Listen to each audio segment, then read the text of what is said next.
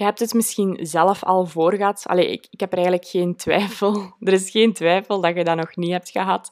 Normaal gezien heb je de laatste maanden al een serieuze daling gezien in je story views. Het is zo dat iedereen er last van heeft. En vaak vragen mensen mij dat dan van, ja, Nushka, hoe komt dat dat mijn storyviews zo laag zijn? Ben ik niet goed bezig? Allee, hoe komt dat? Ja, Ten eerste, dat heeft verschillende redenen. Hè. Dus het is niet zo dat je storyviews, dat als je super ijzersterke stories maakt, ja, dan zullen je storyviews normaal gezien wel wat hoger zijn dan dat je er totaal geen strategie, allee, dat je niet hebt nagedacht over een strategie en dat je gewoon maar wat doet. Dat is altijd zo. Maar in het algemeen is het wel zo dat de storyviews de laatste maanden toch wel een hele grote drop hebben gehad. En als je dus mij zou vragen, hoe komt dat? Daar kan ik natuurlijk niet met 100% een antwoord op geven, want dat is ook maar gewoon hoe Instagram werkt. De ene moment ja, heb je superveel reels, Allee, heb je superveel uh, views op reels en dat mensen ook zoiets hebben van Hè, hoe komt dat op deze reel? Super vreemd. En een andere moment heb je dat dan weer al helemaal niet. En een andere moment heb je superveel storyviews. En een andere moment heb je dat dan ook weer helemaal niet. Het enige wat ik nu op dit moment kan zeggen is... Instagram is zoveel aan het veranderen. En wat ik ook wel al heb gezien is de ik denk persoonlijk, maar ik kan dat ook niet met 100% zeggen, is dat meer en meer aandacht gaat gaan naar reels in het algemeen. Dus veel meer naar uw post in plaats van naar uw stories. En dat is eigenlijk super jammer, want stories zijn nog altijd wel de plaats om die echte connectie met uw doelgroep aan te gaan. Het is via stories dat je ervoor zorgt dat je je volger omzet in een klant. Ik heb daar trouwens een hele cursus rond gemaakt, Storytelling Academy. Als je daar meer over wilt weten, check dan zeker um, op bainushka.com, daar ga je hem vinden. Maar om dan nu verder te gaan, wil ik wel even nog iets vertellen. En dat is het feit dat ik vorige week dus een story uh, had gepost, een verhaal, waarin dat ik vertelde over een egeltje dat ik had gevonden. Ja, super zielig. Ik had dus vorige week een egeltje gevonden hier um, over ons. Er waren mannen in de straat aan het werken en het was echt super warm. Het was 34 graden of zo, denk ik. Dat was een vrijdag. En die, ik zag echt heel toevallig was dat. Ik was mij aan het klaarmaken om mijn lancering van de OCR voor te bereiden. En ik keek even naar buiten uit het raam en ik zie dat er drie werkmannen aan de overkant van de straat stonden. Aan een huis waar ze normaal gezien niet moeten zijn. Dus ik dacht al, ah, wat zijn die daar aan het doen? En ik zie dat die iets oppakken en verplaatsen naar ergens anders. En ik, die gaan weg, dus die kijken nog even en die gaan uiteindelijk weg. En ik, kom dichter naar het raam en ik kijk van, allee, wat is dat daar? En ik zie daar iets liggen met een bakje water. Dus ik denk, dat is sowieso een beestje. Maar het was zo klein, het was veel te klein om een kat te zijn. Dus dacht ik, ah, ik was al met mijn gsm erop aan het inzoomen om te kijken wat is dat. Maar ik kon het echt niet zien. Dus ik dacht, ja, ik moet dat weten, want ik kan me niet meer concentreren nu. Ik moet weten wat dat is, of dat er alles oké mee is. Dus ik ga naar buiten. Dus ik ga naar buiten en ik kom daaraan. En echt, mijn hart brak in twee. Ik zie daar een egeltje liggen. En ik ga er terug emotioneel van worden. Heel veel mensen begrijpen dat niet, dat je verdriet kunt hebben om een dier. Maar ik ben echt een hele grote dierenvriend. En ja, mijn hart brak echt super hard met dat beestje daar te zien. Dat was er super, super, super slecht aan toe. Het was eigenlijk al gewoon aan het sterven. Dus ik direct in paniek van ja, oh my god, wat moet ik hier doen? Dus ik was er al wat bij gaan zitten. Er zaten ook constant vliegen op, dus ik was die dan aan het wegjagen. En ik zag, ja, dat was helemaal verzwakt, helemaal, ja, het was er echt heel slecht aan toe. Dus ik ga terug naar binnen. Um, ik bel met PG die pakt niet op. Allee, ik uh, uiteindelijk terug naar buiten om te kijken, is al wat beter. Ik ken het zo, vijf minuten binnen, vijf minuten ter... Uiteindelijk terug naar buiten, er terug bij zitten. Dus ik zat er dan een hele tijd bij. Ik was dan naar die werkmannen gegaan van, ja, dat egeltje ziet er echt niet goed uit. Die zo, nee, maar uh, die komt er wel door. Geef die wat kattenbrokken, hè, dan komen die erdoor. Dus ik uh, terug naar binnen, wat eten van zieg en vleek gaan halen. Maar ik dacht, deze komt echt niet goed, die ziet er echt niet goed uit. En ik wil niet dat die hier gewoon zo gaat sterven. Dus had, had ik uh, de dierenbescherming opgebeld van Mechelen. dacht, ja, ik weet niet naar waar ik anders moet bellen. Die zeiden van, nee, nee, wij doen enkel huisdieren. Dus je belt het beste naar uh, het opvangcentrum voor... Alleen het hulpcentrum van Egels. Dus had ik dan die opgebeld. Ja, ik kwam daar al op een nummer in, ik weet niet waar terecht. Ja, moest ik terug naar ergens anders bellen. Die zeiden dan van, ja, in Rotselaar. Dus dan uiteindelijk op de Facebookpagina gekomen van dat opvangcentrum in Rotselaar, die dan opgebeld. Die zeiden van ja, je moet die naar ons komen brengen. Ik had het dan al opgezocht. Ik had terug naar Pidgey gebeld, die pakte terug niet op. Alleen opgezocht, dat was 25 minuten rijden. En ik had echt zoiets van, als ik dat egeltje ga moeten gaan vervoeren, ik durf dat niet, want dat gaat gewoon sterven in mijn auto. Dus ik wist echt niet wat ik moest doen. Ik kon me natuurlijk ook niet meer concentreren. Dus ik constant bij dat egeltje blijven. Uiteindelijk Pigi aan de telefoon, allee, thuisgekomen en samen naar dat egelcentrum vertrokken. Dat egeltje weggedaan. Um, het zat ook vol maden.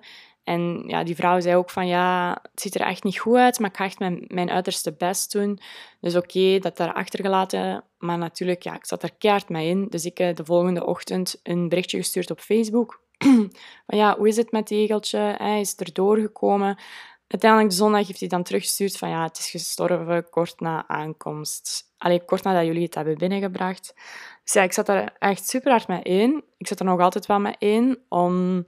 Ja, dieren, ik heb er iets speciaals mee. Uh, ik ben trouwens vroeger nooit een dierenvriend geweest. We hebben vroeger altijd een jachthond gehad, waar ik totaal geen band mee had. En sinds dat mijn papa is gestorven, ben ik de allergrootste dierenvriend ever. Omdat ik zoveel um, vriendschap en liefde en troost heb gekregen bij dieren doorheen mijn um, rouwproces. Ik word er zelfs nu terug kei emotioneel van, omdat ja, dieren, het doet iets met mij. Ik, raad, ik laat mensen heel moeilijk toe in mijn leven, maar dieren laat ik eigenlijk gewoon direct toe, omdat ik daar langs de een of andere manier, allee, op de een of andere manier krijg je daar enorm veel troost van. Dus voilà, ik zat er echt super hard mee in met dat egeltje. En het ding waar ik dus op wil komen is... Ik had daar een storyview over gemaakt, over dat egeltje. Dus ik had daar een heel verhaal rond gemaakt. En daardoor waren mijn storyviews twee keer hetgene wat ze normaal zijn. Dus ik heb echt super lage storyviews normaal gezien. En door dat verhaal waren dat, was dat ineens het dubbele. En hoe komt dat? Wel, dat is dus om drie redenen en die ga ik dus nu met u delen. En wat ik dus eigenlijk altijd doe als ik een drop heb in mijn storyviews, dan zorg ik ervoor dat ik eigenlijk een dag niet post en dat ik de volgende dag, als ik dan terug ga posten, dus wat bedoel ik daarmee? Stel je voor, je hebt stories gepost, dat je dan na, die na je laatste story, dat je 24 uur ongeveer niks gaat posten. Dus dat je echt je stories ja, die blijven maar 24 uur staan. Dus die gaan dan uiteindelijk weg. En dan krijg je dus ja, een volledige lege story view, uh, storybalk. Hè? Dus dat je geen stories hebt. En als je dan je allereerste story gaat posten volgens een verhaaltje, dan ga je merken dat daar echt ja, dat dat een keiharde boost gaat hebben. Dus dat is de eerste stap dat ik altijd doe. Eerst, als ik merk van, ja, kijk, nu zijn mijn storyviews terug mega, mega, mega laag, dan ga ik die laten leeglopen. Dat denk ik trouwens van, heb ik vandaag gedaan. Laat ik dat laten leeglopen en dan begin ik terug met een, de eerste story dat dus echt een verhaal wordt. Dus dat is het eerste. Laten leeglopen en voor 24 uur niks posten. dus echt letterlijk pauze gaan nemen van je stories. Dan het tweede, dat je dus aan verhaal een verhaal gaat vertellen, dus aan storytelling. Dus dat je echt duidelijk gaat zorgen voor een begin, midden en een einde. Dat je echt een verhaaltje gaat vertellen.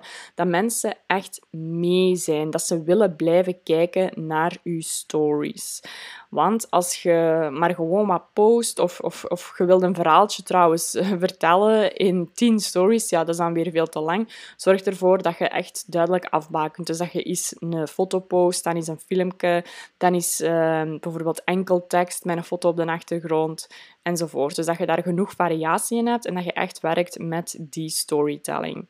En dan wat ik als derde doe is, en dat is sowieso dat is super belangrijk en ik denk altijd van mensen weten dat ondertussen wel al, maar ondertitelt je stories. Dus zorg ervoor dat als je praat in een story, dat je dat altijd met tekst er extra bij zet. Want niet iedereen heeft zijn geluid aan. Ik heb al gemerkt, bij TikTok is dat wel, dat als je TikTok opent, dan heb ik altijd direct geluid, maar bij Instagram is dat niet. Dat geluid staat eigenlijk standaard af. Bij Instagram moet jij zelf je geluid van je gsm gaan aanzetten om te horen. Dus als je in Instagram bent en je wilt iets horen, dan ga je hè, op je volume moeten gaan duwen om het te gaan horen. En daarom dat dus de meeste stories ja, eigenlijk zonder geluid worden beluisterd. Dus als je een story opneemt waarin dat je aan het praten bent en je ondertitelt dat niet, ja, dan heb je heel grote kans dat acht op de tien mensen het uiteindelijk niet hebben gehoord en dat ze dus ja, dat je boodschap eigenlijk verloren gaat. Dus dat zijn de drie dingen. Er zijn natuurlijk veel meer ehm, manieren om je story views te verhogen, maar dit zijn er alvast drie die je op, ver, die op weg kunnen helpen. En dat is één, pauzeer je stories en post voor 24 uur niks. Twee, als je dan de allereerste story dat je gaat posten na die 24 uur, zorg dat je daar aan storytelling in doet, hè, aan die storyline. Dus werkt met een begin, midden en een einde. En drie, gebruikt ondertiteling. Hè, omdat de meeste mensen hun geluid afstaat en dat ze dan afhaken als ze ja, niks kunnen lezen en enkel u zien praten, maar dat ze dus niet weten waarover dat het gaat.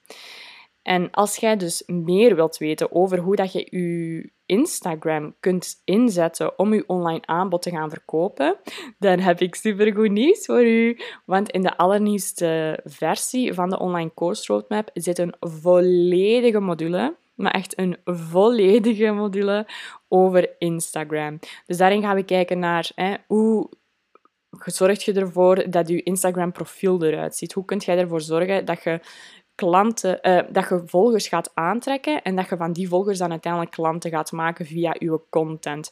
Dus gaan kijken naar je profiel, naar je reels, naar je stories, naar gewone posts, naar carousels, naar lives, alles wat met Instagram te maken heeft om je aanbod te gaan verkopen.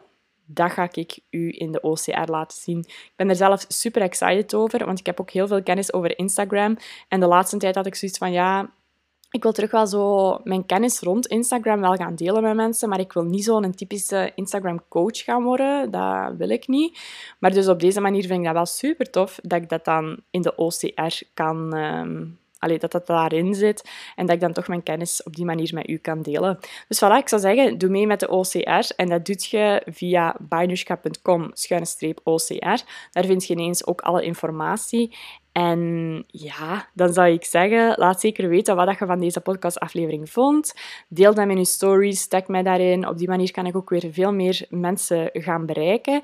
Of laat het mij weten via een berichtje, vind ik ook altijd super tof. Dan kan ik ook even met u persoonlijk connecteren. En dan wens ik u voor nu nog een hele fijne ochtend, middag of avond toe. Doei!